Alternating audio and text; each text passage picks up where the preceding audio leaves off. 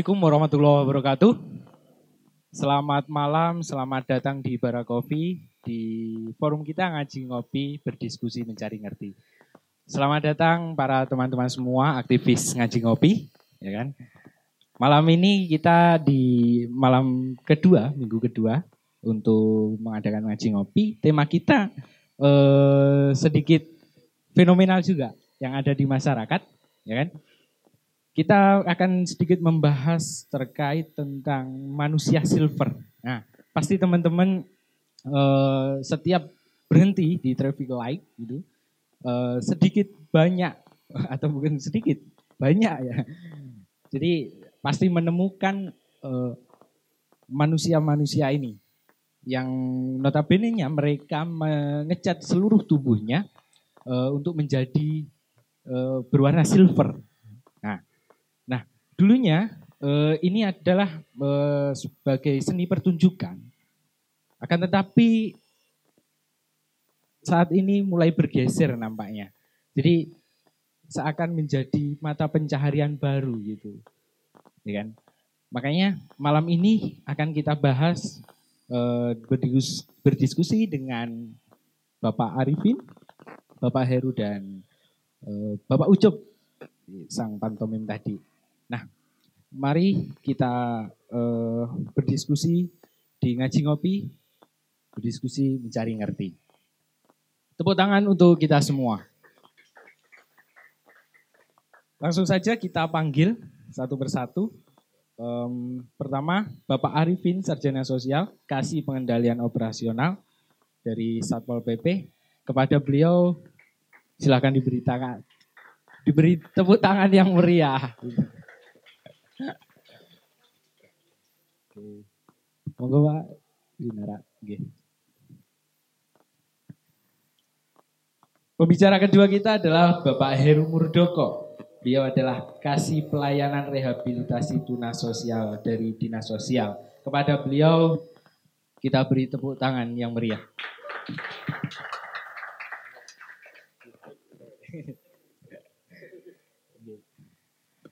Pembicara ketiga kita yakni Bapak Ucup, Bapak Yusuf Eko Nugroho, Sarjana Pendidikan. Ya, ini akademisi dan praktisi pantomim. Kepada beliau dipersilahkan. Kasih tepuk tangan yang meriah. Agak bergeser sedikit, Pak. Biar bisa duduk sayanya. Oke. Um, malam ini kita uh, akan membahas manusia silver Bapak. Uh, yang pertama, kesempatan pertama ini nanti kita lempar kepada Bapak Arifin. Uh, beliau selaku uh, kasih pengendalian operasional yang kemarin uh, melakukan penertiban uh, kepada uh, manusia silver gitu ya. Nah, um, pertanyaan pertama ini, uh, mereka ini dari mana Pak kira-kira? Monggo mic-nya sakit. Oke, sedikit penjelasan gitu. Oke. Assalamualaikum warahmatullahi wabarakatuh. Yang saya hormati Mas Mufid. Hafid. Mas yeah. Hafid, selaku moderator. Bapak saya Mas Heru dari Dinas Sosial. Selaku narasumber dari Mas Yusuf. Dan juga para aktivis ngaji ngopi ya. Uh, Sebelumnya, mari kita bersyukur kehadirat Allah Subhanahu wa taala yang telah melimpahkan rahmatnya kepada kita sekalian sehingga pada malam hari ini kita dapat bertemu dalam suasana diskusi yang temanya adalah manusia silver. Bapak Ibu yang saya hormati, terkait masalah manusia silver yang akhir-akhir ini fenomenal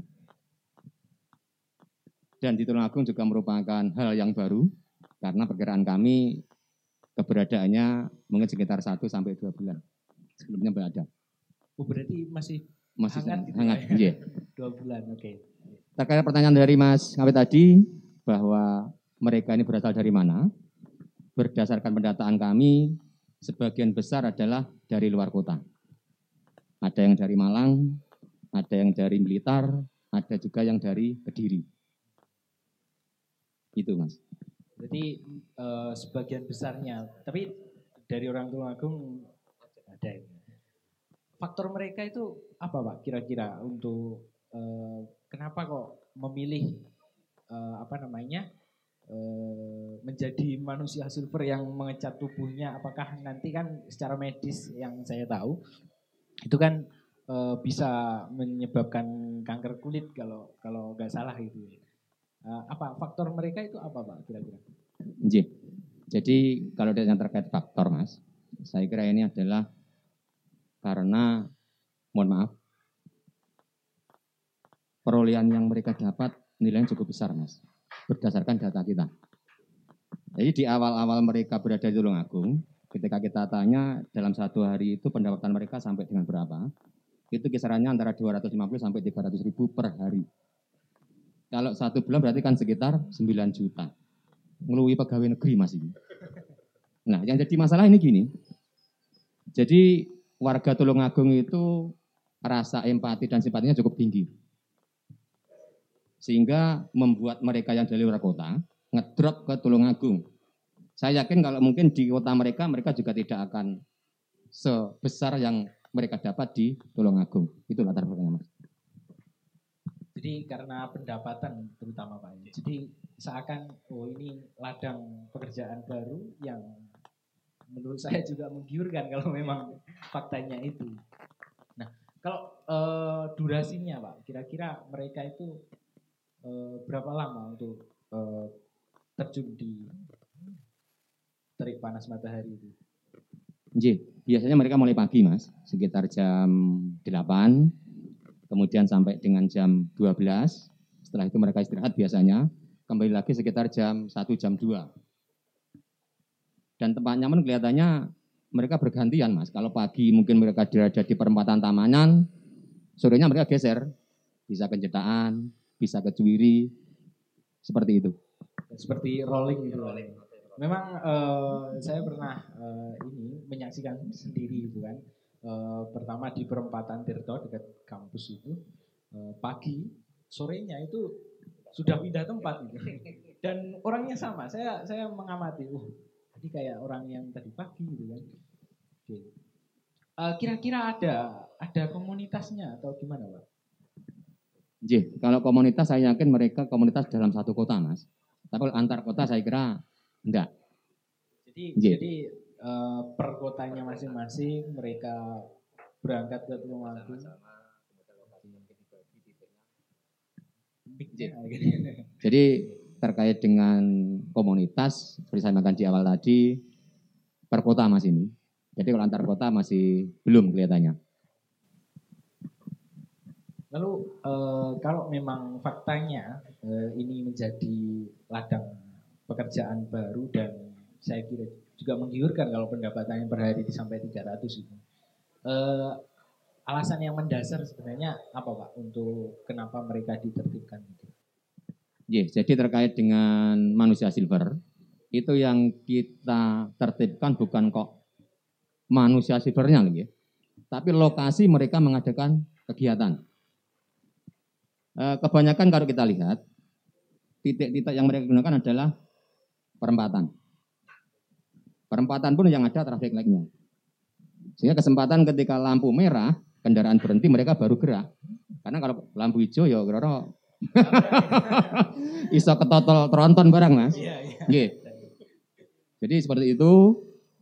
Nah terkait dengan keberadaan mereka ini tentunya juga kalau di Kabupaten Agung melanggar terkait dengan perda yaitu perda nomor 7 tahun 2012 tentang penyelenggaraan ketentraman dan ketertiban umum. Namun di dalam pasal tersebut juga tidak secara spesifik menyebutkan manusia sipil enggak karena iya, iya. tahun 2012 kita belum ada masih itu. Kalau penggolongannya itu seperti apa, Pak?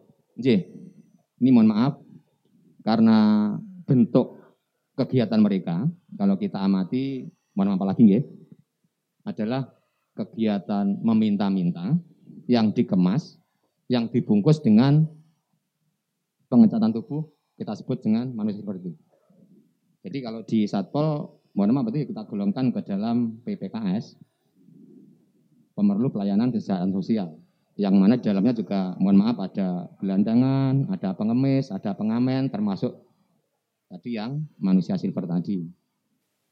Uh, ini Pak, uh, Ini karena ini juga untuk memberikan informasi ke masyarakat Tulungagung khususnya. Kira-kira eh, sedikit menceritakan proses penertibannya gitu. Eh, apakah ada kendala mungkin atau gimana?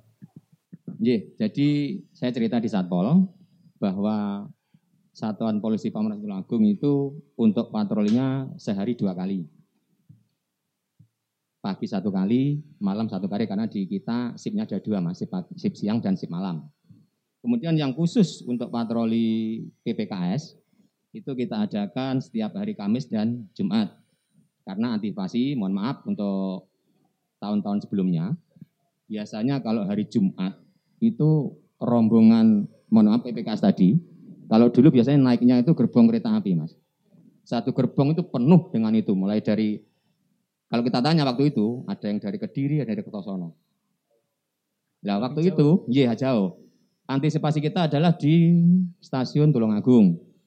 Tapi ketika mereka tahu kita ada di sana, ya lanjut. Nah, turunnya di Sumber Gempol. Kalau Sumber Gempol kita pahami, mereka turunnya di Munut. Ini kucing-kucingan, Mas.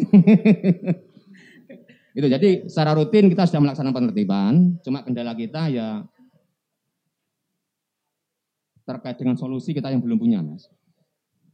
Kalau terkait dengan sanksi, sementara ini dari Satpol sanksinya adalah lesan dan tertulis. Mereka membuat surat pernyataan yang intinya bahwa mereka tidak akan mengulangi kegiatan mereka lagi.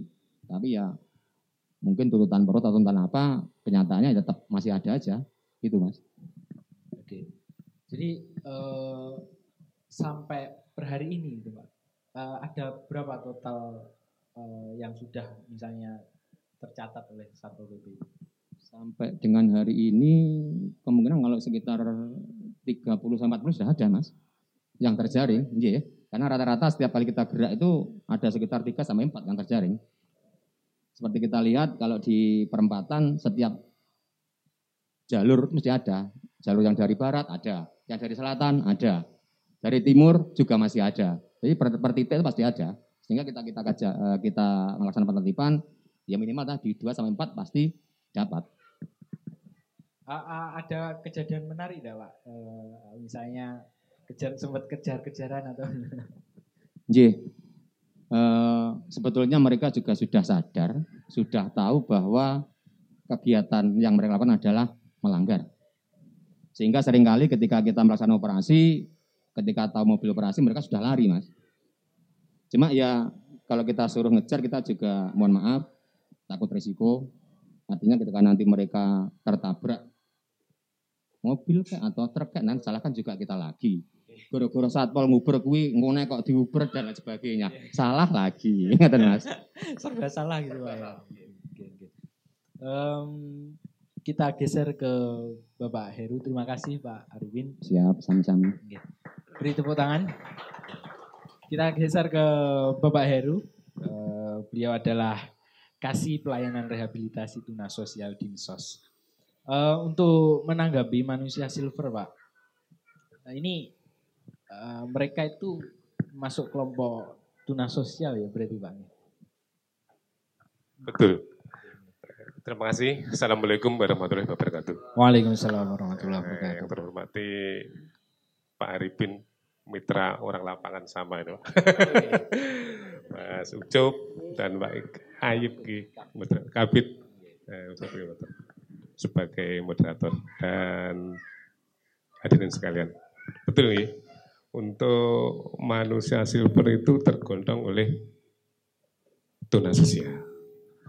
Biasanya gini, di dinas sosial itu ada kiriman dari beliau.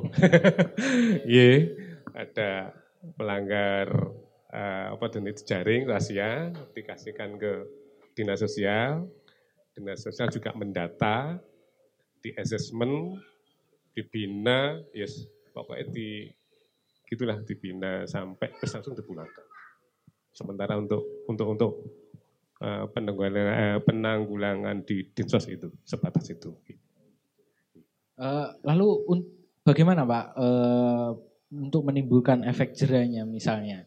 Jadi penanganan yang dilakukan oleh dinas sosial itu eh, agar mereka tidak melakukan hal itu lagi itu seperti apa Pak? Karena di dinas sosial itu hanya sifatnya rehabilitasi. Ya ini loh, merehab nih.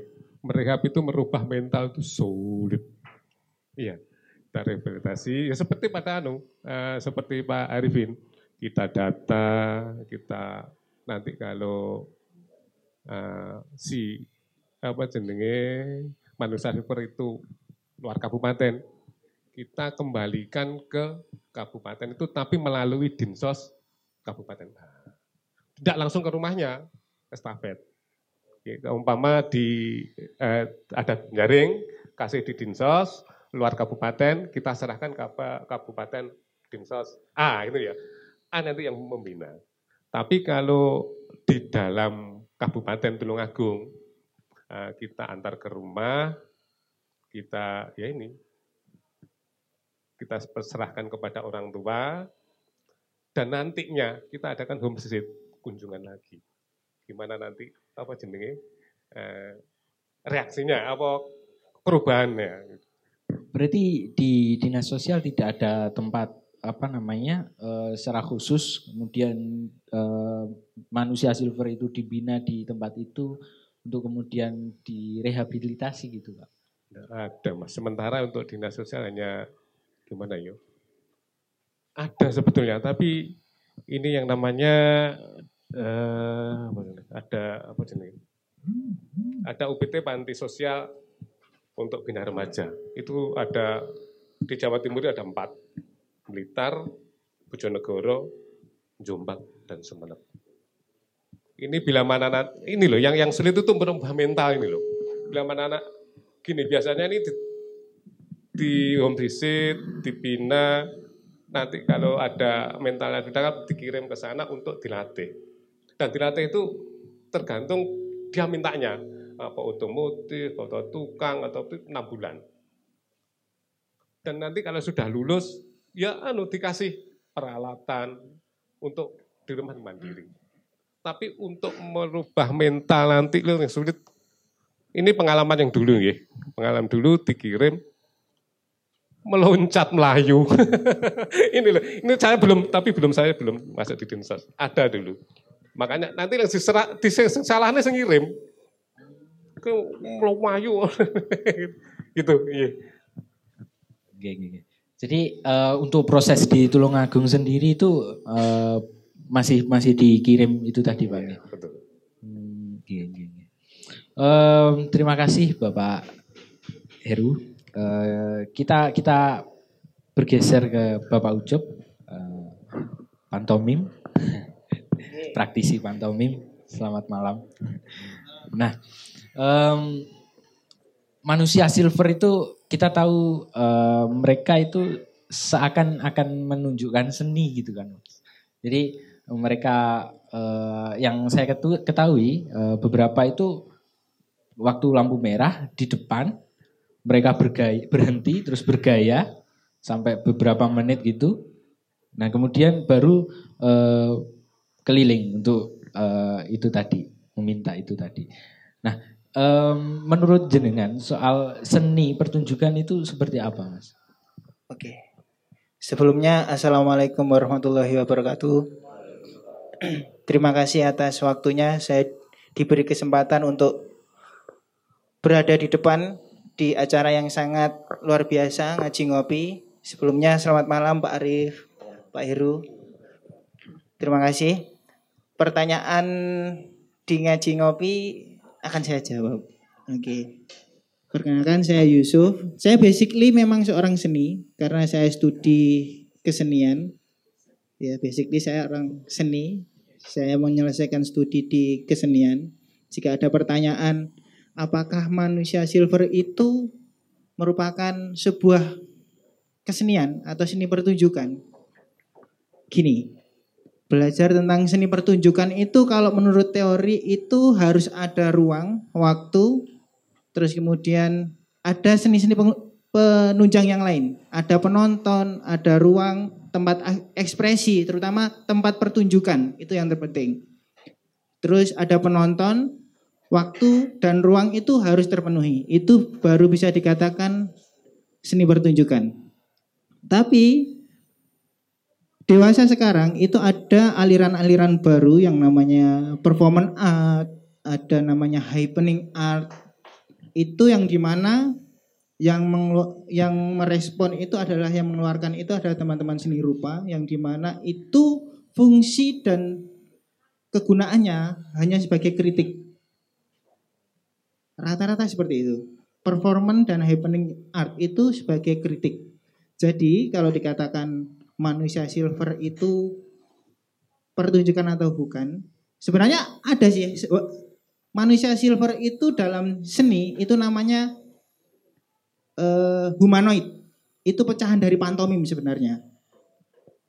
Pantomim itu dulu pecah menjadi dua, satunya menjadi clown atau badut, yang kedua salah satunya menjadi itu humanoid.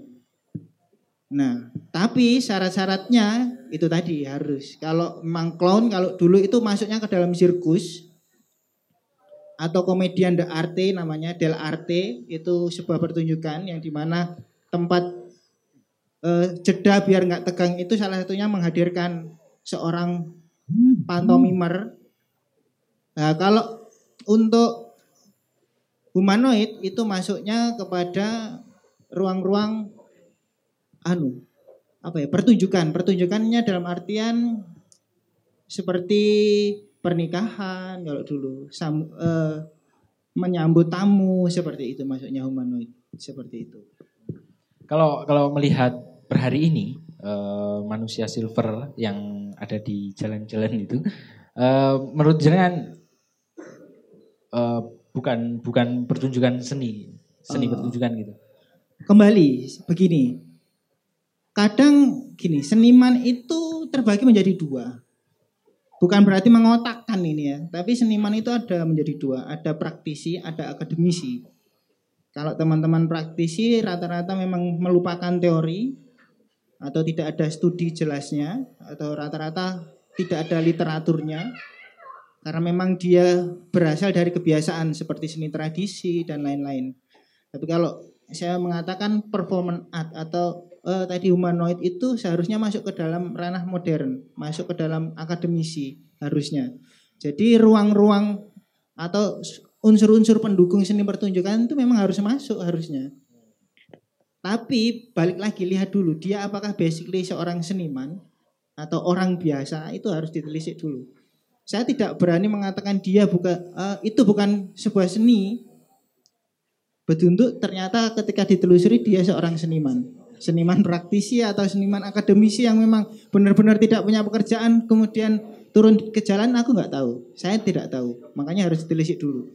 Tapi kalau saya pribadi mengatakan itu kurang memenuhi. Unsur pertunjukan kurang memenuhi. Seperti itu Kalau kalau yang saya pahami terkait nilai seni itu sendiri kan eh, memang harus ditampilkan dan beberapa syarat yang harus dipenuhi seperti itu. Cuman kalau kita lihat sekarang itu eh, dari paparan Pak Arifin tadi, mereka itu kan tergiur dengan apa namanya pendapatan gitu. Eh, apakah eh, itu eh, bukankah itu maksud saya mengurangi nilai seninya itu Iya. sendiri? Gini, kalau di kota besar, saya dulu hidup waktu kuliah, zaman saya studi, saya hidup itu dari humanoid. Terus terang, saya hidup dari humanoid, manusia silver. Tapi bukan terjun ke jalan. Dulu ketika saya kuliah, itu ada adik kelas saya di sebelah sana boleh bertanya. Nanti teman-teman yang lain bisa sharing saya ketika acara selesai. Kalau di kota besar, saya dan teman-teman itu masuk kepada ranahnya gini wedding organizer. Kita masuknya ke wedding organizer. Kita dibayar sebagai humanoid penyambut tamu. Seperti itu dulu. Bayarannya dari situ ada nilai 400. Kalau dinilai komersil kan ya memang seni itu harusnya ke depan itu sebagai nilai komersil seharusnya, bukan diturunkan grade-nya sampai ke nilai ke bawah seperti itu. Harusnya seperti itu. Makanya kalau dulu saya hidup dari situ, jujur kalau memang diturunkan sampai grade ke bawah ya memang esensi seni saya esensi ke, keindahannya memang berkurang. Otomatis memang harus ber, itu orang awam melihat itu apa sih? seolah-olah mengkerdilkan seni lagi bahwa sekarang ini seni itu mulai dibangun banyak tokoh-tokoh seniman itu membangun seni itu kalau dulu memang seni itu anti kemapanan tapi kalau sekarang seni itu penuh dengan kemapanan. Seharusnya seperti itu. Gitu pak? Iya iya. Gitu. jangan diturunkan gridnya sampai ke bawah gitu loh. Maksud saya seperti itu. Um, saya ingin kembali ke Pak Heru. Um, kalau memang apa namanya uh, upayanya tadi adalah dikirim dan apa namanya dari Tulungagung sendiri uh, tidak ada saya katakan oke okay, mungkin minim penanganan dan selanjutnya tapi kalau mereka akhirnya balik lagi itu seperti apa Pak? Terima kasih. Ya, ini sebetulnya kan pertama untuk merubah mental, kedua untuk memberikan suatu skill biar nanti pulang bisa mandiri. Itu kan tujuan tujuan rehabilitasi kan gitu. Mandiri eh, di rumah membuka apa yang mereka nah, apa jenis maksud saya mereka skill itu umpama pertukangan dia buka tukang las buka las biar nanti tidak kembali ke permasalahan di jalanan lagi itu loh iya, iya. Nah, tapi untuk merubah itu loh yang sulit. Yeah. Tapi yang kemarin itu waktu kiriman dari Pak Saspol. Alasannya tapi mesti klasik loh. Klasik. Pandemi benar. itu loh. Alasannya mesti pandemi Pak. Tidak ada pekerjaan. Yang satu kalau dipecat saking pekerjaan. itu. Ya, tapi saya tanya loh. Okay. Saya hanya menyampaikan waktu dikirim ke dari uh, penjaringan rahasia dikirim ke dinas sosial kan otomatis kan tidak data ditanya di sampai asesmen itu. Oke, oke. Um, tanggapannya Pak Arifin seperti apa? Ini seakan tugasnya kan akan terus seperti itu. Jadi kembali lagi Mas. Akhirnya yo kuat-kuatan kuat manusia silver apa kuat petugas ya. Karena kembali lagi, ketika Pak Heru tadi mengirimkan ke luar kota, nggih, sampaikan tadi ada Jombang, Sumeneb, Jonegoro, Mas. Ketika mereka diberi keterampilan, mau entah tukang, mungkin entah apa nggih, ataupun penjahit mungkin. Kembali lagi mereka membandingkan hasil tukang sedino piro, di Tulungagung paling pol paling satu satu selawe mas. Itu sehari penuh bisa angkat-angkat luluh, bisa angkat-angkat batu, bisa angkat-angkat botol. Sementara kalau mereka jadi manusia silver, cuma bondo kerdus harus cetok ya hasilnya sak mas. 250 sampai 300 ribu per hari. Jadi kembali lagi kalau mohon maaf, kalau tidak ada niat dari mereka sendiri untuk merubah pola perilaku mereka, ya kembali lagi kuat-kuatan mas. Kuat petugasnya apa kuat? Sebetulnya kalau di kita, mohon maaf, ketika jam-jam malam mas, sekarang kalau jam malam kan di dinsos tidak ada petugas jaga malamnya, tidak ada yang piket. Kalau pun ada kan mungkin petugas jaga malam. Itu di kita juga ada sedikit shock terapi. Misalnya, mohon maaf, kadang-kadang ya kon nyapu, kadang-kadang suruh jalan jongkok, Ya harapan kita dengan itu mereka juga agak jerah, tapi lebih dari itu kan juga tidak berani. Artinya ketika nanti terjadi sesuatu yang mengakibatkan dia sampai sakit di lokasi kantor saya, arahnya mesti satu kerengen, tindak kekerasan dan lain sebagainya. Salah, nah, ngono Mas Arif. Terus kalau um, memang pernah ada yang dengar nih Pak, terkait uh, manusia silver ini ada yang sedikit memaksa dalam proses memintanya itu sedikit memaksa itu uh, benar atau enggak Pak? Ji, gini. Jadi kita tahu mereka melakukan pemaksaan atau enggak itu berdasarkan aduan dari masyarakat. Karena kalau kita enggak mungkin masa ada ngetem neng perapatan ngadek 24 jam enggak mungkin. Sehingga sering kali di kantor satpol itu ada WA, ada telepon langsung yang menyampaikan misalkan di perempatan Gleduk ada bukan hanya manusia mas ini, ada pengamen yang ketika tidak diberi, mohon maaf menginjak kakinya orang yang naik sepeda motor ketika lampu merah. Ada mas waktu itu juga. Ya kita langsung turun ke sana. Kita cross check, ya awalnya mereka masih tidak ngaku. Tapi setelah kita desa akhirnya juga mengakui, akhirnya minta maaf. Ada, memang ada. Bang ada bang ya. Eh, kalau eh, waktu apa namanya eh, ketika penertiban itu eh, mereka dibawa ke mana pak? Ada tempat khusus nggak untuk misalnya tidak hanya manusia silver kan karena di Tulungagung sendiri terkait gepeng itu juga marak gitu. Nah, kira-kira ada tempat khusus gitu nggak? Iya, jadi kalau di kita Mas, Satpol itu tugasnya coba melakukan evakuasi dan penertiban. Untuk pembinaan dan selanjutnya, ya gini dulurku iki Mas. ke dinas sosial. Karena yang arahnya ada pembinaan di sana. Cuma ya kendala dari Mas Heru saya sampaikan tadi untuk langgaran kan rumah shelter tadi Mas masih belum difungsikan. Itu. Tepuk tangan untuk pembicara kita semua. Eh, luar biasa. Eh, kita kita jadi tahu eh, problemnya apa dan kira-kira eh, solusi apa sih sebenarnya kan gitu yang kita kita eh, gelisahkan kan seperti itu pak. Karena memang eh, di satu sisi eh, alasan klasik katanya Pak Heru tadi ya ya kita semua berdampak gitu kita berdampak soal e, pekerjaan. Tetapi memang dan caranya mereka itu ya seperti itu gitu. Nah, e, kira-kira kita lempar ke teman-teman semua. E, adakah pertanyaan untuk narasumber kita, pembicara? Oke, satu. Ada lagi? Oke. Oh, oke dua. Eh, dalam term ini dua pertanyaan dulu. Yang pertama, masnya silakan maju ke depan. Eh, perkenalkan alamat, asalnya mana gitu.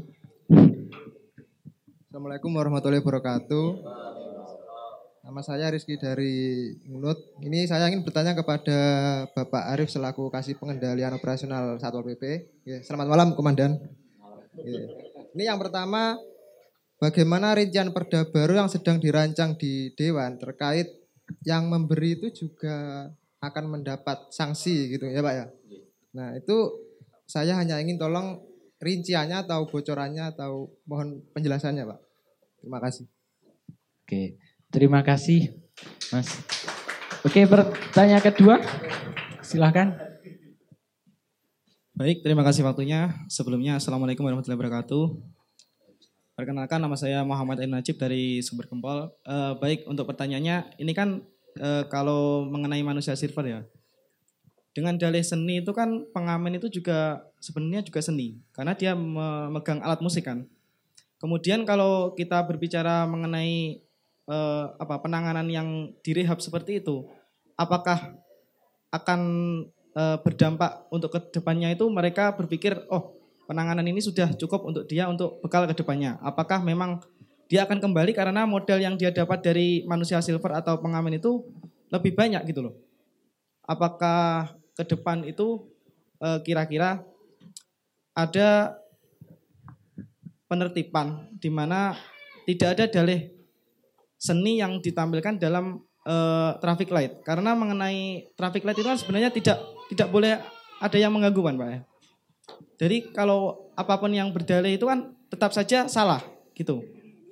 Itu terima kasih dari saya. Wassalamualaikum warahmatullahi wabarakatuh. Waalaikumsalam warahmatullahi wabarakatuh. Pertanyaan pertama eh, kepada Pak Arifin terkait rincian perda ya Mas ya. Monggo Pak. Nggih, makasih Mas sinten? Mas Rizky dari Ngunut nggih.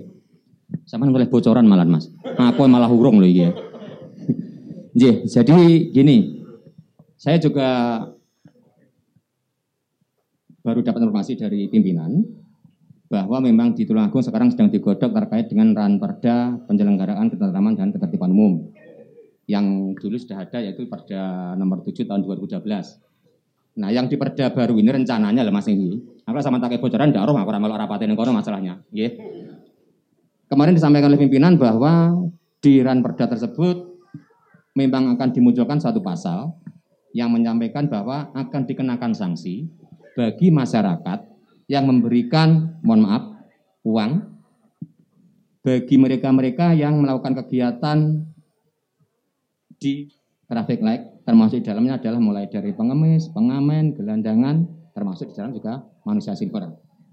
Itu. Ini lek pasal nomor pura yo jenenge digodok aku yang tidak ngerti Mas iki. Ngaten Mas ya? Nggih, jadi memang betul yang sampaikan dari Mas Riki tadi, sekarang memang pasal itu sedang digodok di dewan. Tapi untuk bocorannya memang belum, Pak. Nah, nanti kan pasal itu akhirnya jadi dilaksanakan panja akan tetap menunggu Oh iya, iya. Nah, wacananya seperti itu. Iya, iya, iya. Pasal itu akan dimunculkan, tapi terkait nanti yang ngedok ya wong dewan Mas ya. Gitu aku loh ya. kita tunggu itu. Harapan kita memang itu juga bisa terlaksana. Dengan demikian, mohon maaf, mereka yang melakukan kegiatan yang melanggar perda ini gini, jadi ketika mereka berdiri di perempatan mulai dari jam 8 sampai jam 12, kalau tanpa hasil saya yakin mereka juga akan jerah, Mas. Pewanas yang jenengan tahu biasanya dia ya ndak gawe sandal, ndak pakai sepatu.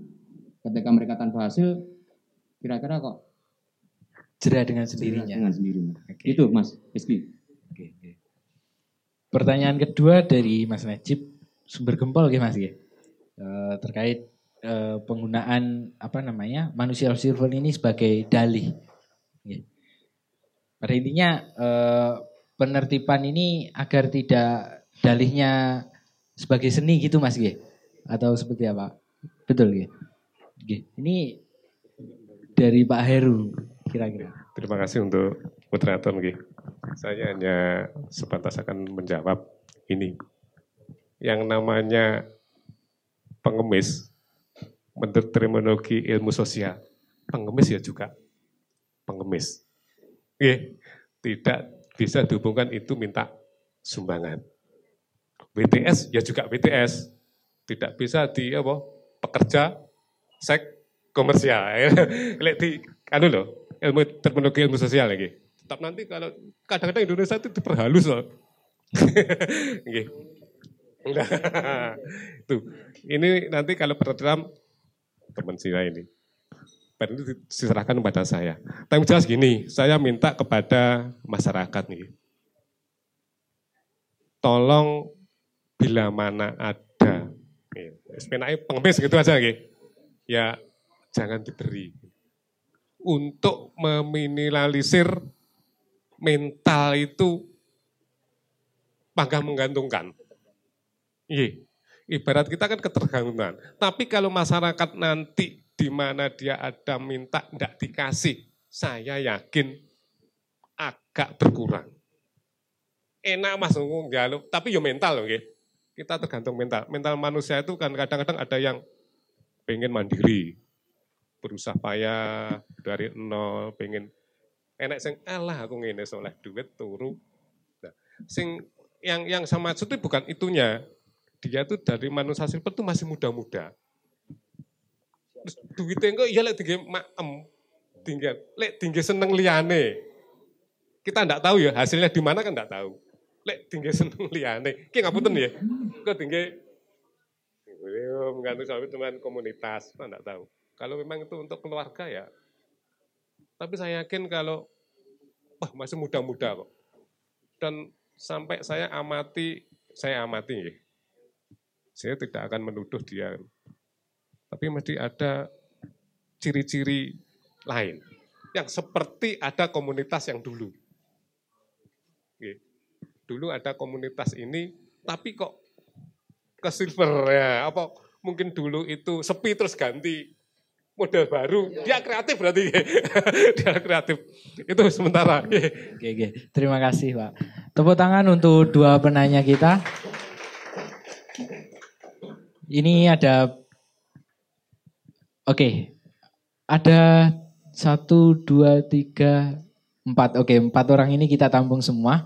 Yang pertama itu, silahkan yang berbaju putih, berkaos putih.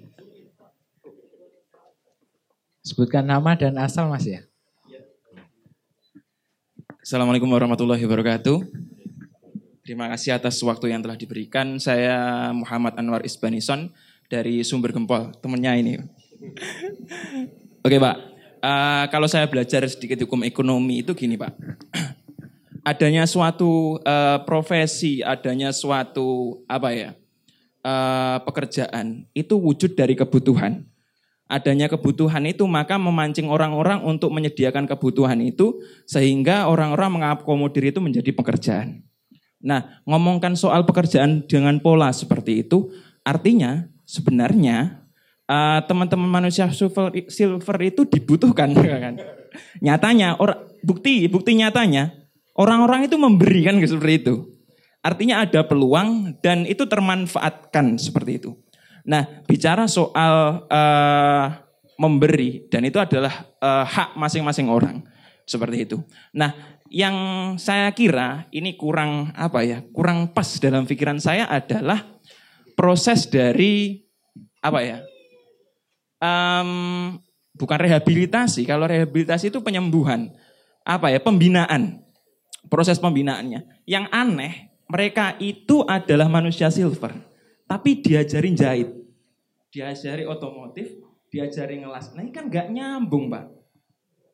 Kalau kalau kita tahu bahwa profesi mereka itu adalah manusia silver, ya undang Mas Ucup ini untuk membina mereka, kan gitu loh.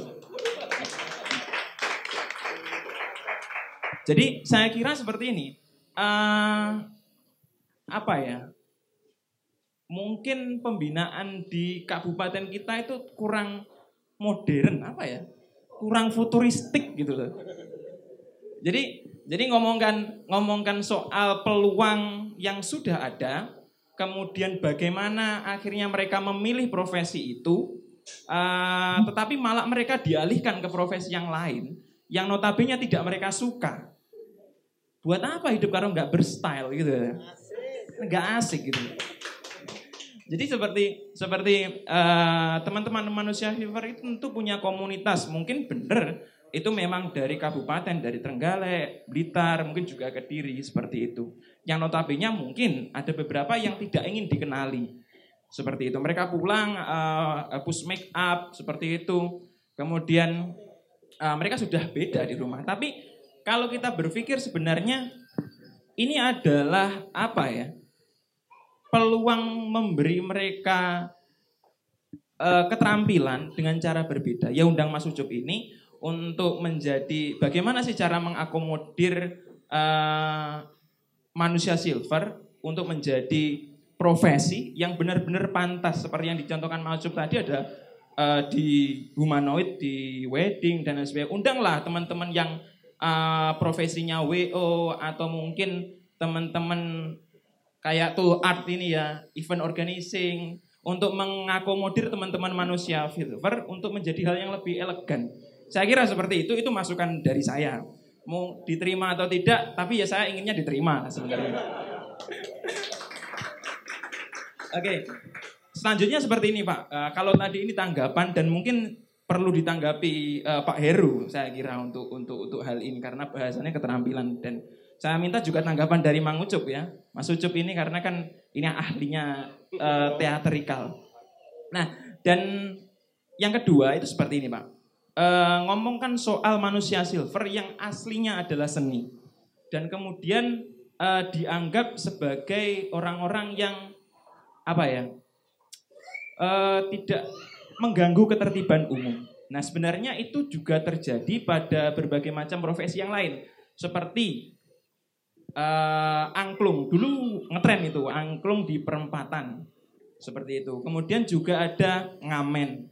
Seperti itu, ngamen dan sebagainya. Nah, sebenarnya ini semua adalah apa ya? Bentuk kreativitas seni yang saya kira kurang terakomodir secara baik oleh uh, pemerintah Kabupaten Tulungagung sehingga mereka mencari tempat apresiasi itu di tempat-tempat yang mudah terlihat di perampatan, di trotoar dan lain sebagainya. Ya ini kan bukan bukan 100% salah mereka.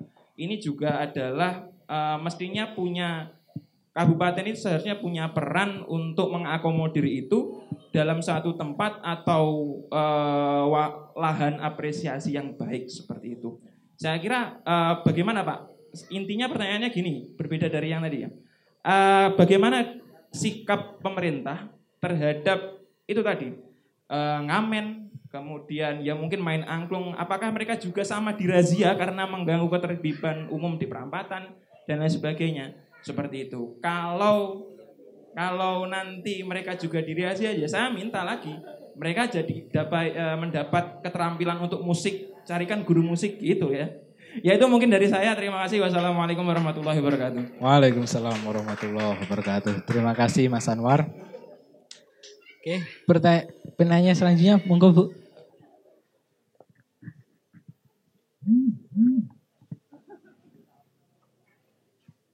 Selamat malam, dalam Lani dari Kutu Anyar, eh, kagem Bapak dari Dinas Sosial. Em, Anak-anak silver ini kalau sudah terjaring kan pasti eh, panjenengan panjenengan kan mesti tanya Pak. Eh, menurut panjenengan garis besarnya anak-anak ini apakah men- memang mental pengemis atau memang pemalas atau latar belakang dari keluarga broken home? Dan seandainya anak-anak ini banyak yang dari luar kota kenapa Pak ndak sedikit ekstrim? Wis kowe pokoke mulih kowe lek balik rene kelakuanmu ngono tak anu tak jewer mbuh tak apakne ngono gimana Pak terima kasih terima kasih. Oke, penanya yang belakang tadi ada? Iya, ya. Wah, oke. Ibu eh. Oke, oke. Oke, Baik, ini monggo duduk dulu. Oke. Pertanyaan saya ini Pak, apa namanya? Asal nama dan Oh iya, Oke. nama saya Reni, perkenalkan. Iya. Saya lebih menyoroti bahwa ini dari aspek kesehatan. Sebenarnya kan bagaimanapun yang mereka tuangkan ke tubuh mereka itu kan cairan kimia ya, dan itu dilakukan terus-menerus. Apalagi sayang sekali karena mereka ini masih kebanyakan anak muda gitu kan. Nah ini tentu saja untuk kesehatan kulitnya, mungkin juga sampai ke bisa jadi sampai ke organ dalam ini bisa kalau dilakukan terus menerus. Nah ini apakah mungkin dari pihak mungkin dinsos ya yang lebih adakah pembinaan atau sekedar mengingatkan mereka tentang bahayanya penggunaan bahan-bahan kimia ini untuk untuk tubuh mereka gitu loh. Kalau ini hanya untuk sekedar berekspresi, apalagi ini untuk ya mencari nafkah, istilahnya sayang sekali karena efek jangka panjangnya kan sungguh sangat berbahaya gitu. Mungkin itu saja pertanyaan saya. Terima kasih. Terima kasih Bu Reni. Monggo Masnya. Oke.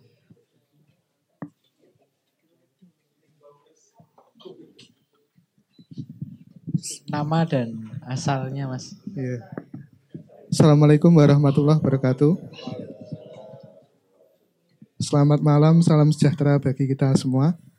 Eh, terima kasih Mas Hafid ya, atas kesempatan yang diberikan. Eh, nama saya Cahyo dari Ketahanan Kedung Waru.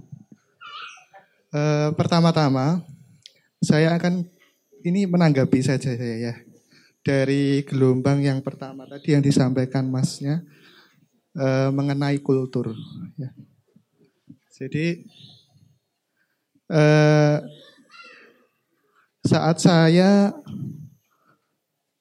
2000 itu 2011 diminta oleh Profesor Rahmi waktu itu dari eh, Hukum Perdata Universitas Erlangga Surabaya untuk eh, membantu beliau di fakultas. Saya baca mulai saat itu buku-buku hukum. Memang yang paling sulit itu ini, aspek kultur. Entah itu masalah sosial, hukum, ya, ataupun yang menyangkut keduanya. Kemudian kita sering mengadakan diskusi-diskusi gitu antara mahasiswa dengan dosen waktu itu. Ada salah satu dosen, memang kondisi saat ini gitu, masyarakat kita itu sudah anomi, gitu.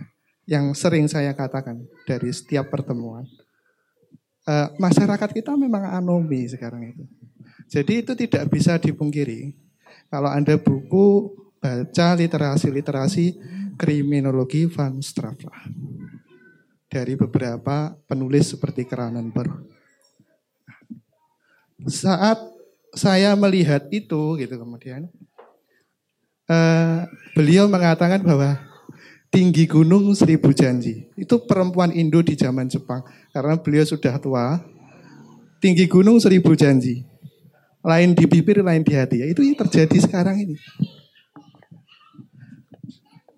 Saat masyarakat merubah pola kulturnya, nah, karena keterpaksaan, entah itu ekonomi atau aspek apa pun itu.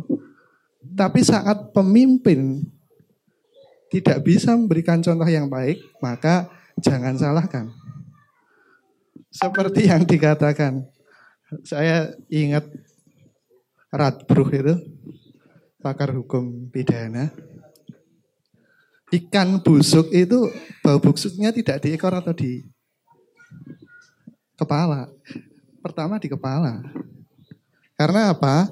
Saya juga sedikit banyak saya dulu juga kuliah di mikrobiologi. Pertama yang terpapar bakteri itu mesti di kepala, di tapis insangnya. Bukan di badan, di ekor atau di sirip, bukan. Itu yang harus menjadi peringatan kita semua. Terutama penguasa goal aspek-aspek yang akan dikeluarkan dalam bentuk kebijakan apa pun. Itu yang pertama harus sekali dilihat, diingat itu pertama kali itu. Nah, kemudian berkaitan dengan manusia silver itu, Ya jangan disalahkan seninya juga. Saya tidak sepakat itu. Gitu. Coba lihat salah satu daerah saya sebut saja. Daerah istimewa Yogyakarta. Apa ada pelarangan begitu? Tidak ada. Karena mereka bisa memanage. Karena kita juga telah kehilangan. Saya yang saya rindukan itu dari negara kita itu dua kultur rasa malu dan kultur rasa bersalah itu sudah hilang. Sim culture dan gil culture. Itu yang saya rindukan. Jadi yang terakhir kali mau saya katakan DIY. Coba kita tidak perlu keluar negeri atau ke mana pun. Coba itu DIY itu bagaimana mereka bisa memanage. Yang kedua saya tidak mau dikira nanti saya membela yang macam-macam saya dari partai apa enggak saya. Coba itu Surabaya itu lihat. Kenapa bisa bagus seperti itu? Tanya itu warganya itu. Karena saya di Surabaya juga lama seperti Mas Ucup ini. Ya Mas ya, Mas dari UNESA gitu ya. Nah, ya Kurang lebihnya seperti itu. Mohon maaf. Wabil taufik walhidayah. Wassalamualaikum warahmatullahi wabarakatuh. Waalaikumsalam warahmatullahi wabarakatuh. Tepuk tangan untuk kita semua. Uh, masnya, monggo yang terakhir. Baik, Assalamualaikum warahmatullahi wabarakatuh. Waalaikumsalam warahmatullahi wabarakatuh. Sebelumnya nama saya Yoga, saya dari Sambirobyong. Pertama saya mau menanyakan ini kepada Pak Bapak Kasih Satpol PP ya ini. Ini anu Pak, terkait video viral yang nyeklei gitar itu Pak. Ini kan saya belum update lagi beritanya. Itu motivasinya bapak-bapak Satpol PP yang sedang matain gitar kecil-kecil itu motivasinya apa? Terus apakah itu harus dipublish? Ketika video itu viral kan otomatis yang record, yang rekam itu adalah rekannya sendiri, bukan orang lain yang ingin apa istilahnya menjatuhkan institusi Satpol PP. Nah, itu motivasinya apa? Dan yang kedua se apa terkait pembahasan dengan manusia silver ini, apakah tidak ada atau apa ya istilahnya tempat untuk kita mengapresiasi teman-teman yang bekerja di seni, entah itu pengamen atau manusia silver atau pantomim tadi di suatu tempat dan kalau kita contoh makanan aja ada yang take away, Pak. Misalkan ini angan-angan Pak, ini angan-angan aja. Barangkali nanti bisa disampaikan ke Bapak Bupati, bisa dicontoh. Misalkan ada di kita berikan apresiasi di apa tempat di Tugu Kartini. Kita berikan tempat di sana waktu kita sediakan aja sound system seperti ini. Entah nanti ngamennya dibatasi separuh jalan, nanti setelah itu selesai satu lagu ketika sudah ngasih uh, apa istilahnya uang kepada yang ngamen itu tadi selesai satu lagu jalan lagi itu kan sepertinya lebih indah loh Pak daripada kita hanya berbicara tentang punishment. Kalau kita dihukum, dihukum gitu aja rasanya kok nggak asik gitu loh. Apalagi tadi ada ada yang membahas di Jogja itu aja nggak apa-apa. Kita malah di Jogja itu kan angklung Pak Melan, set angklung besar. Itu juga mereka juga tidak diberikan hukuman seperti itu. Mungkin itu dulu Pak. Terima kasih banyak sebelumnya. Saya akhiri wassalamualaikum warahmatullahi wabarakatuh. Waalaikumsalam warahmatullahi wabarakatuh. Um, banyak pak. Ada lima pertanyaan atau juga tanggapan di dalamnya gitu. Yang pertama dari Mas Anwar ini. Manusia silver ini seakan jadi peluang kan gitu. Jadi uh, yang disoroti ke dinas sosial jadi proses pembinaannya itu menurut Mas Anwar agak bermasalah. Kalau memang eh, ini mereka berangkat dari misalnya tadi berangkat seni terus eh, rehabilitasi atau kalau katanya Mas Anwar itu penyembuhan, mungkin solusi yang tepat itu ya diwadahi seninya. Ah, beberapa tanggapan juga senada sepertinya dari Mas siapa tadi? Mas Cahyo, Mas Yoga itu uh, senada gitu. Nah, kira-kira bagaimana Pak tanggapan panjenengan? Terima kasih Ngi. Yang kita sulit jujur Bapak nih. Dari manusia sifil yang ada di Tulungagung itu memang seni, memang dia punya jiwa seni, atau memang hanya untuk gimana? Untuk mencari nafkah. Nah ini loh yang sulit. Kalau memang dia punya jiwa seni, saya yakin Mas Ucup nanti bisa menjelaskan. Saya yakin. Permasalahannya gini, kalau saya menanggapi nggih, di Tulungagung itu belum ada spot. Saya yakin kalau ada spot untuk menampung orang-orang seni seperti Jogja. Ngapunten nggih. Di pinggir apa di di mana ditempatkan spot tidak mengganggu lalu lintas, dia seperti patung tapi kerdusnya tidak nengsor. Bisa memberi, bisa tidak. Iya. Kalau di perempatan kan mengganggu tibun nih. Itu bukan bukan seninya loh, tapi kan ya, yang pelanggarannya. Gitu. Karena di sini sifatnya global. Gitu. Tulungagung Bulan punya spot, diwadai orang seni. Kita sebagai orang gimana ya, orang kecil gini ya gitu. Tapi yang jelas yang kemarin itu kita tanya Karena bukan bukan orang seni. iya, hanya seperti ikut-ikutan. Wah, kayak melok kayak kok hasilnya lumayan, aku ya tak melok. Tapi dari sekian uh, manusia silver, hanya kelompok-kelompok kecil enggak, enggak, enggak saling anu kok, enggak saling kenal. Iya, permasalahan gini, yang kami dijaring oleh Satpol PP, diserahkan pada dinas sosial, saya data, saya berita acara, bila mana uh, mengulangi lagi, akan ada sanksi. Tapi kelihatannya kemarin itu ada, loh, lain lagi. Tolong teman-temannya diberitahu. Tapi tidak saling mengenal. Itu. Ada hanya kelompok kecil-kecil-kecil gitu. Iya. Um, mungkin juga perlu pendataan juga Pak ya. Artinya pendataannya lebih mendalam gitu. Terkait uh, bagaimana mereka ini berangkat dari komunitas seni atau uh, memang yang ikut-ikutan gitu ya ya manusia silver ini dijadikan lahan gitu kan. Jadi uh, mungkin pendataannya nanti uh, bisa lebih apa namanya mendalam sehingga uh, solusinya ndak cuma satu gitu pak. Harapannya se seakan seperti seperti itu. Kalau tanggapannya Mas Ucup seperti apa? Gini, uh, ketika pernyataan dari Mas Anwar tadi seharusnya menurut saya gini, tidak bisa satu serta merta dimasukkan ke satu titik eh, ke Pak Dinsos atau ke Pak Pol PP. kalau di kota besar, cerminan gini, saya asli sebenarnya Surabaya. Tapi sudah sekarang sudah berdomisili di sini. Cuman dulu ketika di Surabaya saya memang aktif salah satunya di dengan teman-teman komunitas seni sangat saya aktif terutama seni peran gini. Kalau di Surabaya komunitas seni baik itu seorang praktisi atau akademisi itu diakomodir langsung oleh dinas pariwisata. Kalau di Surabaya. Nah itu persoalannya. Kalau di Tulungagung saya kurang paham. Kelihatan. Uh, apakah dinas di sini itu berjalan seperti di Surabaya? Saya juga kurang paham. Tapi kalau di Surabaya dulu, setiap komunitas kecil, bahkan komunitas itu sendiri wajib mendaftarkan diri sebagai kelompok kesenian.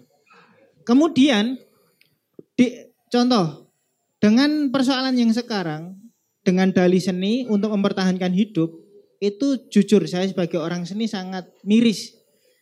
Kalau di Surabaya itu dari data itu contoh ketika pandemi kemarin teman-teman itu dinas pariwisata itu memberikan waktu dan ruang ekspresi dengan tunjangan diberi akomodasi kemudian diberi uang kemudian streaming setiap kelompok melalui Dinas Pariwisata kerjasama dengan Dewan Kesenian.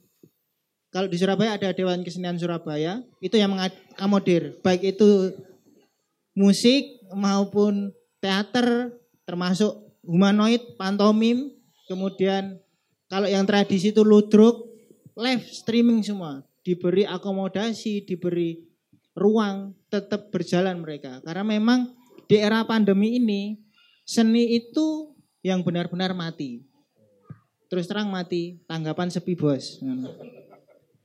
Gitu.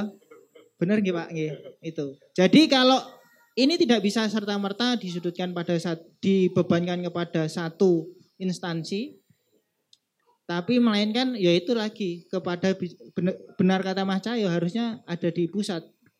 Uh, spotnya kemudian ditentukan spotnya, kemudian dinas mana yang menaungi, kemudian pendataan mana yang juga harus benar-benar terdata, kemudian nah ketika menghadapi persoalan seperti sekarang harusnya itu sudah teratasi seperti itu. Tanggapannya, tanggapan saya seperti itu. Terima kasih. Baik mas, terima kasih. Um, kita lanjut ke tanggapan kedua. Ini dari Burani, latar belakang mereka, problem masalahnya, begitu Ge? Jadi uh, sebenarnya juga terkait dengan tanggapan pertama itu kan, uh, apa namanya uh, soal mereka ini berangkat dari seni atau bukan, begitu pak. Terima kasih bu. Kalau sementara yang kami pengalaman yang kami tangani ya, dari rahasia dari ini teman saya dimasukkan ke dinsos. Sementara yang sementara yang kami bisa menangani, saya data, saya beri berita aja bila mana mengulangi, ya ini. Terus nanti untuk latar belakangnya kita butuh waktu. Tidak satu hari itu. Karena ini ada yang berasal dari kabupaten A, ada dari kabupaten B, tapi gimana untuk memulangkan dari Kabupaten AB? Kita serahkan kepada Dinsos Kabupaten A. Biar dibina oleh Kabupaten A. Umpama ini dari Kabupaten B, saya serahkan pada Dinsos Kabupaten B. Gimana nanti kita ke Tulungagung, dari Tulungagung ya, kita pulangkan ke rumahnya. Kita nanti ada home visit. Kita kunjungi lagi satu minggu. Gimana? Butuh butuh waktu ya butuh waktu. Kita butuh sabar, butuh waktu. Kadang-kadang kita sabar, datang lagi kiriman dari Satpol PP. Mau lebih. Tapi saya yakin, saya yakin gih, dari latar belakang nanti kita tetap akan uh, bisa mengetahui itu memang keterbatasan apa jenis ekonomi apa tapi kita butuh waktu Uh, untuk yang pertanyaan itu untuk uh, ke binaan karena di Dinsos sendiri adanya hanya itu. Ada pelatihan las, pelatihan biar nanti mandiri gitu loh. Eh, pada pelatihan las, menjahit, atau mungkin otomotif. Sementara yang yang ada itu untuk pelatihan seni itu bukan ranahnya mungkin dawe Pak Ucup bener apa mungkin di dinas lain gitu loh Mas saya gini. Iya, iya, iya. kita Mungkin- tidak menyediakan itu betul ya nggih. Nah, itu nggih. terus pertanyaan yang Mbak yang di chat itu sudah nggih. kita kita beri yo pengarahan. Apa ngono ki ndak loro sebetulnya dia jawab panas panas. Panas. Terus lek ngilai piye gitu biasanya ada berdua di mandi di pom. Terus sam, sama itu loh sama sabun cair. Kita tidak menyebutkan itu merek lain tapi sabun cair sabun cuci cair. Saling menggosok. Tapi bisa bersih. Terus campurannya apa saya tidak tanya. Iya, terima kasih. Iya. Pak Arifin mau menanggapi? Oh lanjut. Kalau soal kesehatan ini eh, saya tertarik. Eh, bagaimana Mas Ucup? Eh, kalau kalau eh, manusia seni yang humanoid itu adakah memang cara khusus gitu? Oh. Kalau sebenarnya gini, seperti yang saya gunakan, ini kan body painting, memang untuk body. Kalau memang jangka panjang sebenarnya perempuan pun ketika pakai make up jangka panjangnya pasti ada seperti itu. Salah satunya keriputnya semakin banyak, semakin lebih tua pastinya itu. Tapi saya yakin bahwa teman-teman yang manusia silver itu tidak menggunakan body painting. Saya yakin karena kalau yang asli untuk humanoid yang silver itu sebenarnya nggak hanya silver bu, ada gold, ada salah satunya gold dan silver, satunya black saya lupa. Itu untuk manusia baja kalau nggak salah. Untuk biasanya untuk cosplay itu harus menggunakan itu. Itu khusus itu per gram kalau nggak salah kalau nggak salah ingat satu gini itu 120 ribu harganya.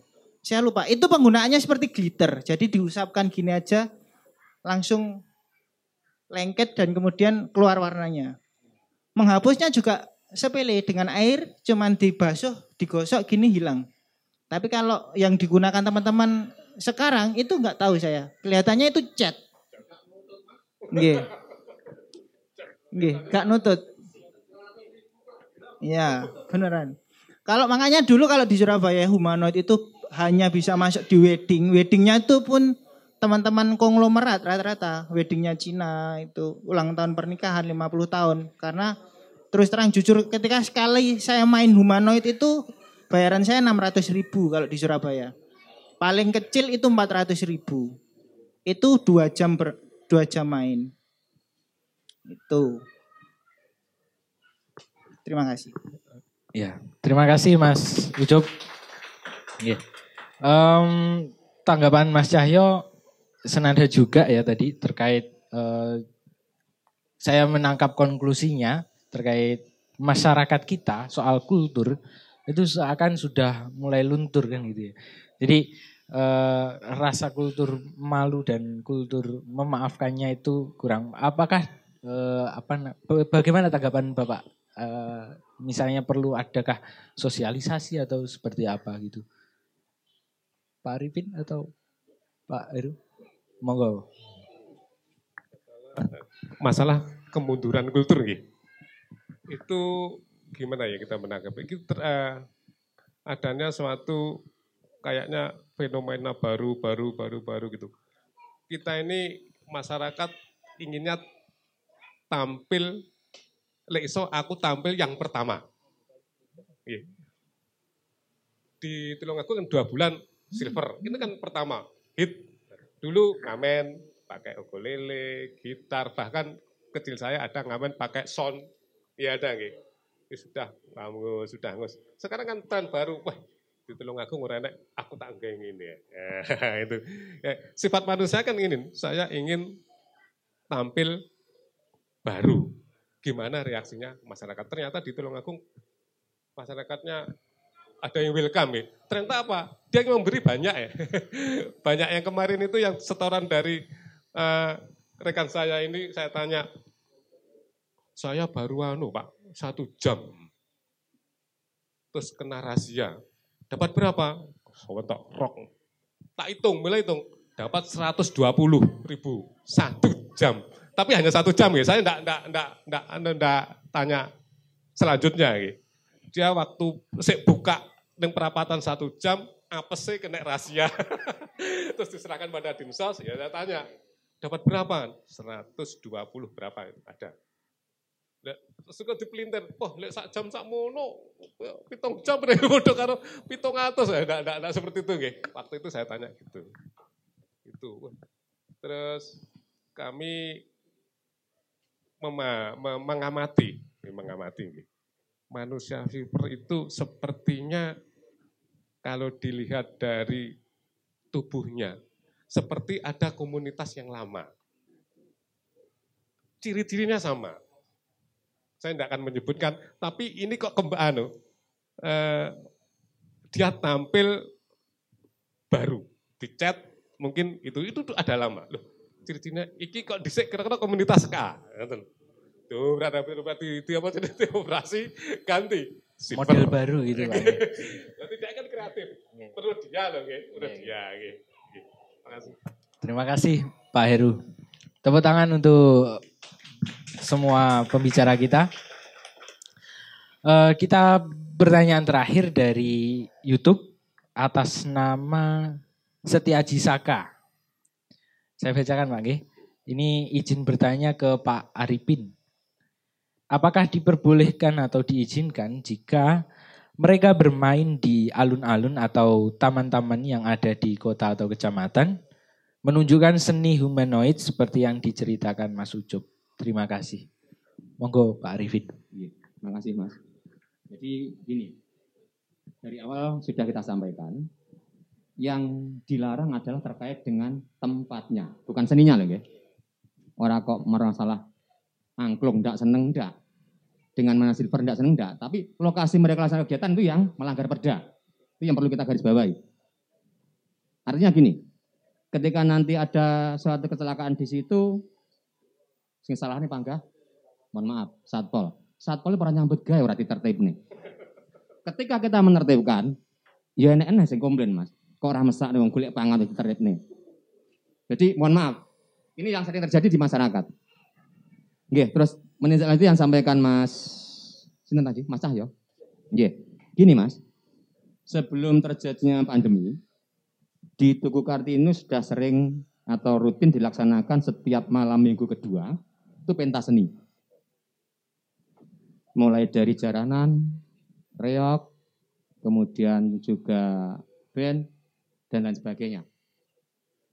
Yang memfasilitasi waktu itu adalah dari JTV. Jadi pihak JTV menyediakan mulai dari sound, mulai dengan panggung, dan juga sedikit apa istilahnya? Uang pembinaan lah. Yeah. Namanya tidak saya sebutkan. Tapi seiring dengan adanya pandemi, kegiatan itu akhirnya dihentikan. Ini yang perlu kita ketahui. Jadi tidak kok Kabupaten Tulungagung tidak menyediakan, tidak, tidak mengizinkan, tidak waktu itu sudah berjalan, itu pun sudah sudah 4 sampai 5 tahun berjalan. Saya tahu karena saya juga mesti dicuni pengamanan, Mas. Itu. Kemudian apakah alun-alun gor tidak boleh? Ya selama ini kalau situasi kondisi pandemi masih berlangsung, saya yakin juga gugus tak ada tidak akan mengizinkan. Mohon maaf, sekarang yang diizinkan uang duit gawe, orang punya hajat, boleh. Tapi ketika ada hiburan, itu tidak akan diperbolehkan. Nah kalau seperti itu, masa sih RPAD nggak hiburan di oleh gugus. Jadi bukan satpol ya, mengizinkan lagi ya. Terkait izin keramaian saat ini karena terjadi pandemi yang membuat surat izinnya adalah dari gugus tugas percepatan penanganan COVID-19. Kalau dulu sekretarinya di gedung PKK itu sebelah eh, baratnya pendopo, sekarang pindah di Balai Rakyat. Jadi saya sampaikan sini, untuk kantor atau sekretariat gugus tugas sekitar satu minggu yang lalu pindah di Balai Rakyat. Mungkin Bapak Ibu yang mau punya hajatan, jangan sampai nanti liru. Oke, itu.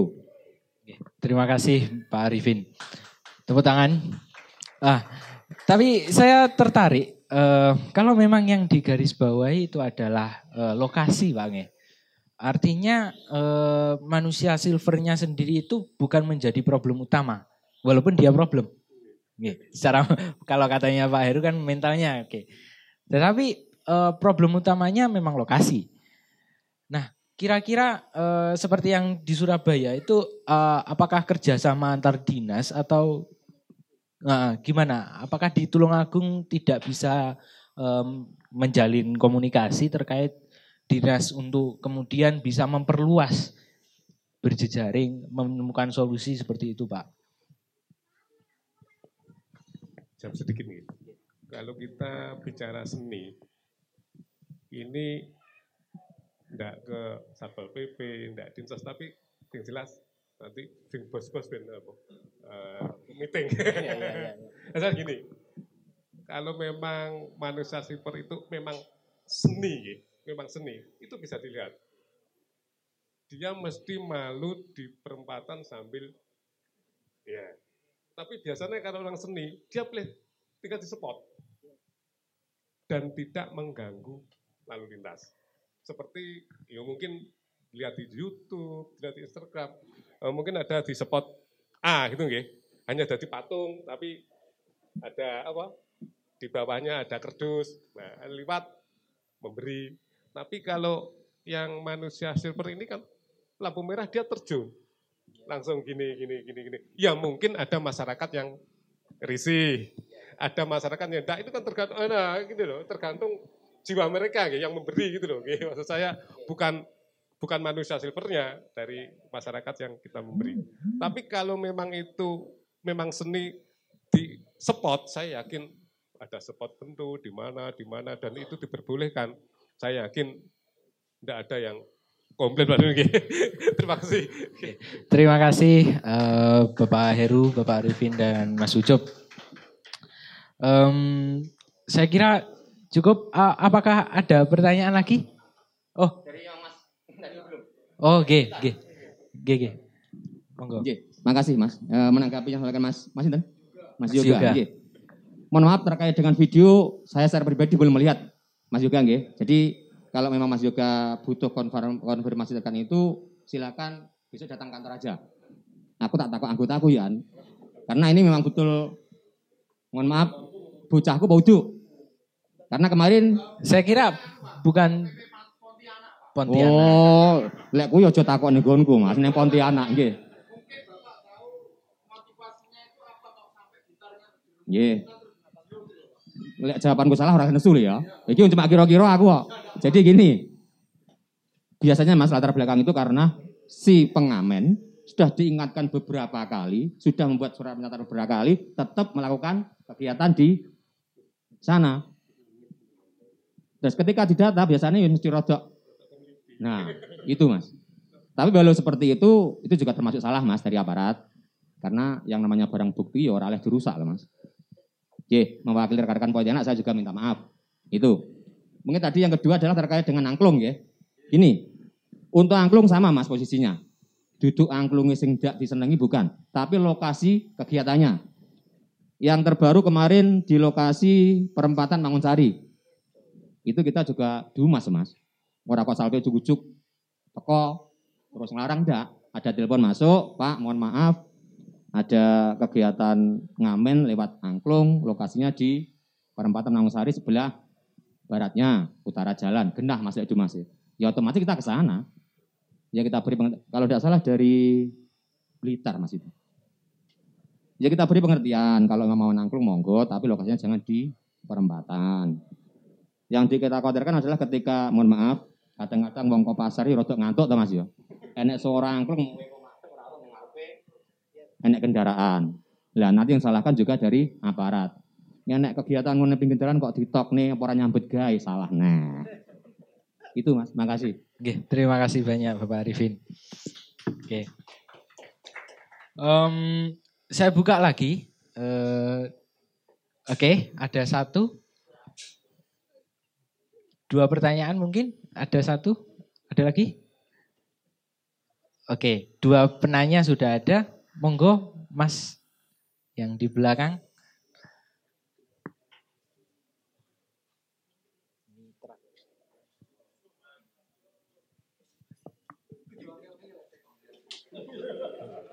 Assalamualaikum warahmatullahi wabarakatuh. Waalaikumsalam warahmatullahi wabarakatuh. Eh, saya Koko dari Kabupaten eh Kabupaten dari Kalidawir.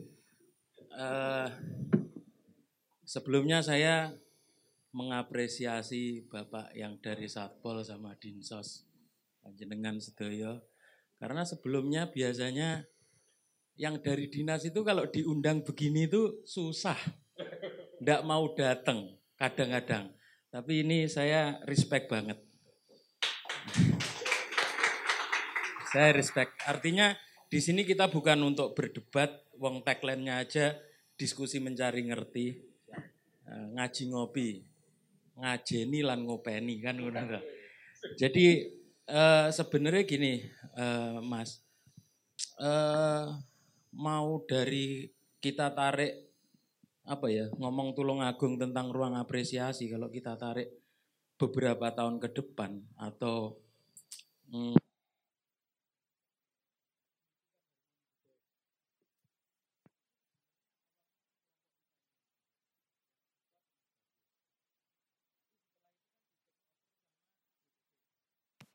hmm, tidak ada omongan.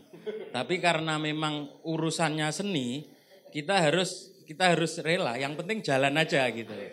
Nah, eh, sebenarnya kalau kita ini mau ya, kalau ngomong satpol pp orang enek kaitannya blas karo seni. Tapi pada waktu itu ternyata satpol pp juga mau mensupport kegiatan seni. Gitu. Nah, begini. Kira-kira dari dinas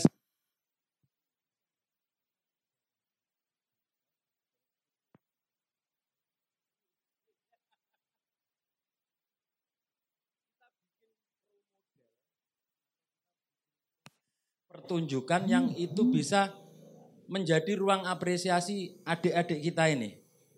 Kalau kita ngomong seni itu mau dia seni atau bukan, jelas itu termotivasi karena orientasinya ekonomi. Sama itu. Ini tidak jahat, yang lebih jahat itu orang yang jualan agama sama hadis. Ya.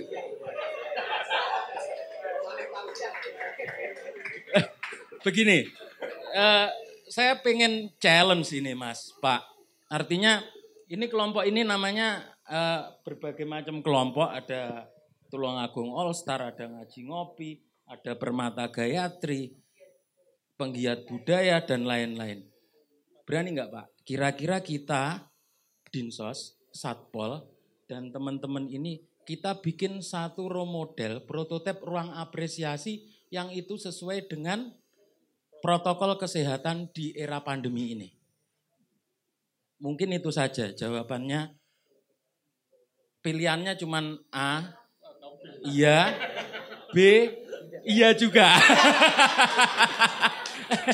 Jadi uh, mungkin bisa difikirkan artinya ini kalau bisa bisa sinkron kayaknya kok kita bisa memberi ruang apresiasi teman-teman yang ada di bawah sana.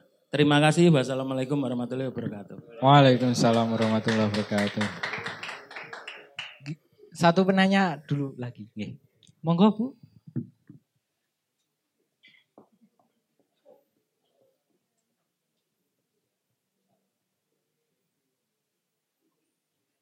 Assalamualaikum warahmatullahi wabarakatuh. Perkenalkan saya Srida, baru kali ini hadir di tempat ini. Karena kalau di Facebook itu banyak postingan-postingan tentang ngaji ngopi. Jadi saya tertarik untuk datang ke sini. Nah, menyikapi tentang fenomena baru ini tentang manusia silver. Saya kok juga setuju dengan idenya Masnya tadi yang memberikan wadah kepada mereka. Kalau mereka benar-benar mau diarahkan ke arah seni. Tetapi seandainya mereka itu cuma aji mumpung karena kesulitan ekonomi, terus ah jadi manusia silver oleh duit. Nah itu kan karena mereka malas istilahnya kalau saya bilang. Karena saya ini sering di jalanan pak. Nah sekali waktu saya melihat itu cewek yang manusia silver itu. Nah tetapi mereka itu ada yang nunggu laki-laki di perempatan, kebetulan di perempatan geleduk, itu yang minta uangnya mereka. Jadi mereka itu setor. Seakan kan setor ke laki-laki itu tadi. Nah, takutnya orang-orang ini ada yang memperalat atau drop-dropan lah istilahnya. Nah, kalau semakin banyak karena kepenaan dapat duit dari situ, akhirnya mengganggu juga. Nah, itu betul kalau Pak Satpol PP kemarin ada tindakan untuk bukan bukan menangkap ya istilahnya. Iya, itu karena memang kewajibannya dan saya juga baca di Facebook banyak yang menyalahkan. Katanya wong golek duit kok gak oleh gitu. Mbok dikai anu, iya, mbok dikai kerjaan daripada mek ditangkep tok gitu. Nah, kalau dibiarkan gitu kan memang kewajibannya Satpol PP untuk mengarahkan mereka. Nah, begitu juga bagaimana kalau masyarakat Tulungagung ini supaya mereka tidak tambah berkembang, yo ya ojo diwenehi. Gitu kan? Lama-lama mereka pasti akan hilang dengan sendirinya. Nah, Begitu saja Pak. Assalamualaikum warahmatullahi wabarakatuh. Waalaikumsalam warahmatullahi wabarakatuh. Um, terima kasih Bu Srida dan Mas Koko. Uh, ini langsung saja spesifik ke Bapak Arifin dan Bapak Heru kan. Tawaran. ini monggo. Ini terima kasih untuk Mas Tadi siapa lagi? Mas Koko. Mas Koko. Ini Mas Koko, untuk seni, untuk seni loh saya pribadi siap mendukung, pribadi loh Tapi kalau lembaga, nah saya harus lapor dulu ke pimpinan. Saya punya pimpinan ya, aku keset toh, aku klasifikasi masih banyak. Tapi saya pribadi, saya siap. Karena saya juga orang seni. Aku ki aslinya yogo. Lah, aku seni. aku nabuh gamelan bisa. Betul. Saya itu orang seni, seneng seni saya. Tapi saya pribadi, saya siap mendukung. Tapi lek tekan lembaga, saya harus lapor pimpinan mas. Yeah. Saya tidak berdiri sendiri kok. Aku kok muni ya, aku gowo Terima kasih untuk yang kedua ibu ya. Saya mohon pada masyarakat Kabupaten Talwangagung kan sudah kemarin waktu di Perkasa ya. Saya mohon dengan hormat bila mana panjenengan maringi ye lek iso ojo diparingi. Kalau panjenengan uh, punya gini, imit itu untuk sodakoh, untuk infak, tolong berikan sodakoh infak itu pada yang tepat. Kalau yang ada di situ ya, enggak, enggak saya enggak bilang manusia silver ya, ya semua pengamen di perampatan itu, kalau tetap kita diberi, dia akan subur. Tapi kalau masyarakat nanti paling tidak tidak akan memberi, saya yakin dawe dia akan hilang sendiri. Karena apa? Panas anu gitu gitu. Itu adalah suatu gimana ya? Kita kembalikan kepada masyarakat sendiri. Piye? Lek lek Tulungagung subur, saya yakin Kabupaten Liyo, wah Tulungagung omsetnya akeh po. Oke. Terus itu kalau untuk anu Mas, untuk kalau untuk memang dia untuk makan. Karena manusia silver itu masih muda-muda. Ya kita harus duit tiga opo ngono. Engko sanoke tinggi omongnya banyu atos ngono tinggi seneng-seneng ya, di luar itu kan kan Kita kan tidak tahu uang itu untuk apa. Nggih. Terima kasih. Tadi perlu jawaban, Pak. Oh iya. Jadi gimana, Pak? Jawabannya ya A atau B ini? Kalau saya pribadi, secara pribadi, iya. Saya suka. Oh, iya. Ah, usahanya itu Pak yang diharapkan. Ya, nanti kalau melibatkan lembaga, saya tidak bisa sendiri. Yes, ngerti kan enggak. Kita harus lapor ke pimpinan. Iya. Siap. Terima kasih. Oh ya, ah. sip. Ya. Siap. Monggo geser Pak Arifin. Iya, sama Mas, cuma dengan Mas Heru. Jadi kalau saya milih iya atau iya, aku yang milih atau nih mas. Karena masih ngambang. Artinya ketika kita melaksanakan satu kegiatan, pentas seni misalnya, yang pertama kita laksanakan adalah izin dari gugus dulu. Kalau gugus oke, aku ya siap pengamanan mas. Tapi kalau gugus orang kayak izin aku pengamanan, aku di gubernur tanggung gunung kan aku. Enggak masaknya karena aku loh aku rasa jalan ngaji bareng nih gitu. Itu. Jadi terkait dengan kerjasama sama nanti akan kita sampaikan ke pimpinan dulu. Terus gini Mas, saran lek wis kaitan karo seni ya pariwisata diundang Mas. Kurang lengkap ya gini. Siap. Siap. Apa nih engko mesti ngambang ya atau pilih atau tadi loh Mas. Nggih, aku pilih atau nih yang saat ini. Jadi seingat saya terkait dengan seni, entah itu jaran atau sebagainya ada izinnya dari pariwisata lah salah Mas. Nggih, itu. Terkait dengan yang disampaikan Bu Sinta tadi. Bu Srida. Bu Sida, nggih. Saya setuju dan sangat berterima kasih Bu karena menjenengan merupakan salah satu dari masyarakat yang tidak nyalahnya satpol. Nggih. Satpol nyambut gawe disalahni, orang nyambut gawe disalahni, Bu. Yang terjadi seperti itu. Lek pengamen pengemis ning perapatan satpol meneng mergo mesakne satpol nyambut gawe ini apa lho kuwi. Enek wong ngamen urip tok nih ae. Ini ketika kita penertiban, mereka kita bawa, dipoto cepret, kuwi wong golek duit di toko warik-tarik apa ndak mesak nih. Nah, itu. Makanya mohon maaf Bapak Ibu, kita ini bekerja sesuai dengan perda. Lek perda ini tidak melarang, ya arepe di tertib nih. Tapi ketika perda melarang, ya harus kita tertibkan.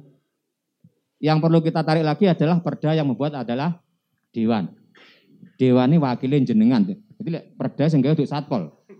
Satpol cuma ngelakoni apa yang ditetapkan oleh wakil jenengan yang di dewan. Nek sing gawe satpol ora malah satpol di dihantem wong Mas Ira Mas ya. Kono ngantem kleru kowe wong gawe anu aturan kok seperti ini dan lain sebagainya. Ya alhamdulillah yang buat perda adalah dari dewan, kita cuma sebagai pelaksananya artinya penertibannya terkait dengan lain-lain ya kembali ke yang sampaikan Mas Heru tadi. Himbauan dari kami terakhir Mas gini. Dari masyarakat mohon ketika ada suatu kegiatan entah itu gelandangan pengemis pengaman yang kalau di Satpol istilahnya adalah PPKS tadi, warga masyarakat rodok ngempet menahan agar tidak memberi. Ya. Jadi sampaikan Mas Heru tadi saya juga setuju. Kita tidak tahu uang yang kita berikan tadi, yang eh, rencana kita sodakoh tadi, digunakan untuk apa kita tidak tahu. Kalau memang untuk mencukupi kebutuhan makan minum, ya kira ada ya oleh pahala. Tapi kalau mohon maaf, digunakan untuk minum-minum, apa kita tidak ikut dosa ini? Saya ngerti mesti Mas Koko ini tahu siang mangi. Lah ada yang ngekei duit nggone uang terus duit mesti gawe ngombe-ngombe, jika membuat satu kesalahan yang bertentangan dengan agama kira dosa ndak saya ngerti Mas Koko. Mas Mas Koko, saya minta pendapat jenengan. Ketika kita berniat sodakoh, kita usia sampai dewi lagi, bang. Kita berniat sodakoh ngekei pengemis duit neng perapatan. Ketika duit tadi digunakan untuk minum-minum, artinya bukan minum sing sing sing bener loh, nggih. Minum beralkohol. Sing ngekei duit karena malah dosa apa ndak, Mas? Loh, mboten. Jawabannya ora kuwi lho, jawabannya lho. Dosa apa ndak? Jawabannya sama pilih apa? Nggih. Jadi itu Mas, yang terakhir sekali lagi harapan kami dari masyarakat mulai saat ini karena sampaikan Mas tadi dari Rizky nggih. Bocorannya dari dewan sedang digodok aturan perda yang mana di dalamnya ada satu pasal yang menyebutkan bahwa mereka yang memberikan uang akan dikenal pasal bila mana itu diberikan kepada mereka yang melanggar perda yang ada. Ya kita berharap itu jangan sampai menimpa pada masyarakat kita yang tujuannya baik tapi hasilnya malah kurang baik. Terima kasih. Terima kasih untuk Bapak Arifin. Itu sekalian closing statement ya tadi Pak ya. Oke. Uh, kita sudah di penghujung untuk closing statement Bapak Heru, monggo. Berharap nih sama dengan ini teman saya Pak Arifin dan sama dengan Bu Sinter yang terakhir Pak Ngi. Bu Hida Ngi. Saya mohon pada masyarakat yo bila mana ada kalau di sana yo sama ya PP dulu PMKS sekarang PPKS ya, pemerlu pelayanan kesejahteraan sosial tolong dimpet ya tolong dimpet jangan dipikirkan. Ben untuk meminimalisir uh, gimana ya? Uang minta minta di jalanan lek kuwi tak dikei saya yakin dia akan ndak ndak akan operasi lagi. Saya yakin itu karena apa? Wadek ning perapatan orang leh plus saya yakin dia akan kembali tapi kalau di di Tulungagung di lahan subur, kuwape ngekai oleh wakil saya yakin komunitas, "Wah, ning kono penak, Bro." kono penak, Bro. Aku sedina oleh sakmene kan gitu. Nggih. Itu saja yang saya uh, apa tuh, terakhir saya mohon pada teman-teman atau masyarakat bila mana ada ini uh, eh, PPKS yang mau minta-minta tolong le iso ojo diparingi ngoten mawon. Terima kasih. Terima kasih Bapak Heru tepuk tangan untuk Bapak Heru. Terakhir Mas Ucap, monggo. Cek. Iya, penutup dari saya seperti ini. Untuk teman-teman yang lain, pelaku ibaratnya gini.